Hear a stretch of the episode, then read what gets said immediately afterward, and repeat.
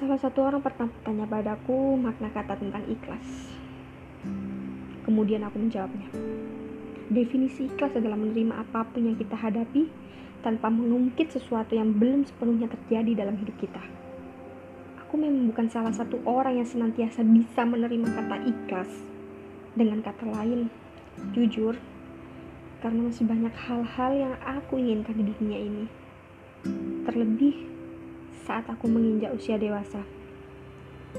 Segala yang aku punya dulu, masa kecil, aku gak pernah sadar itu adalah hal yang paling mengembirakan. Tapi satu hal yang aku tekankan, aku masih perlu berjalan lurus. Memang tidak semua yang kita inginkan dengan mudah kita dapatkan, karena doa pun tidak akan terjadi seketika itu. Tidak akan terjadi dalam kurung waktu 24 jam. Kita bukan di tempat Aladin. Yang aku tekankan dalam hal ini adalah Tuhan itu selalu adil kok. Dia tuh pasti tahu kapan waktu yang tepat hal itu akan terjadi.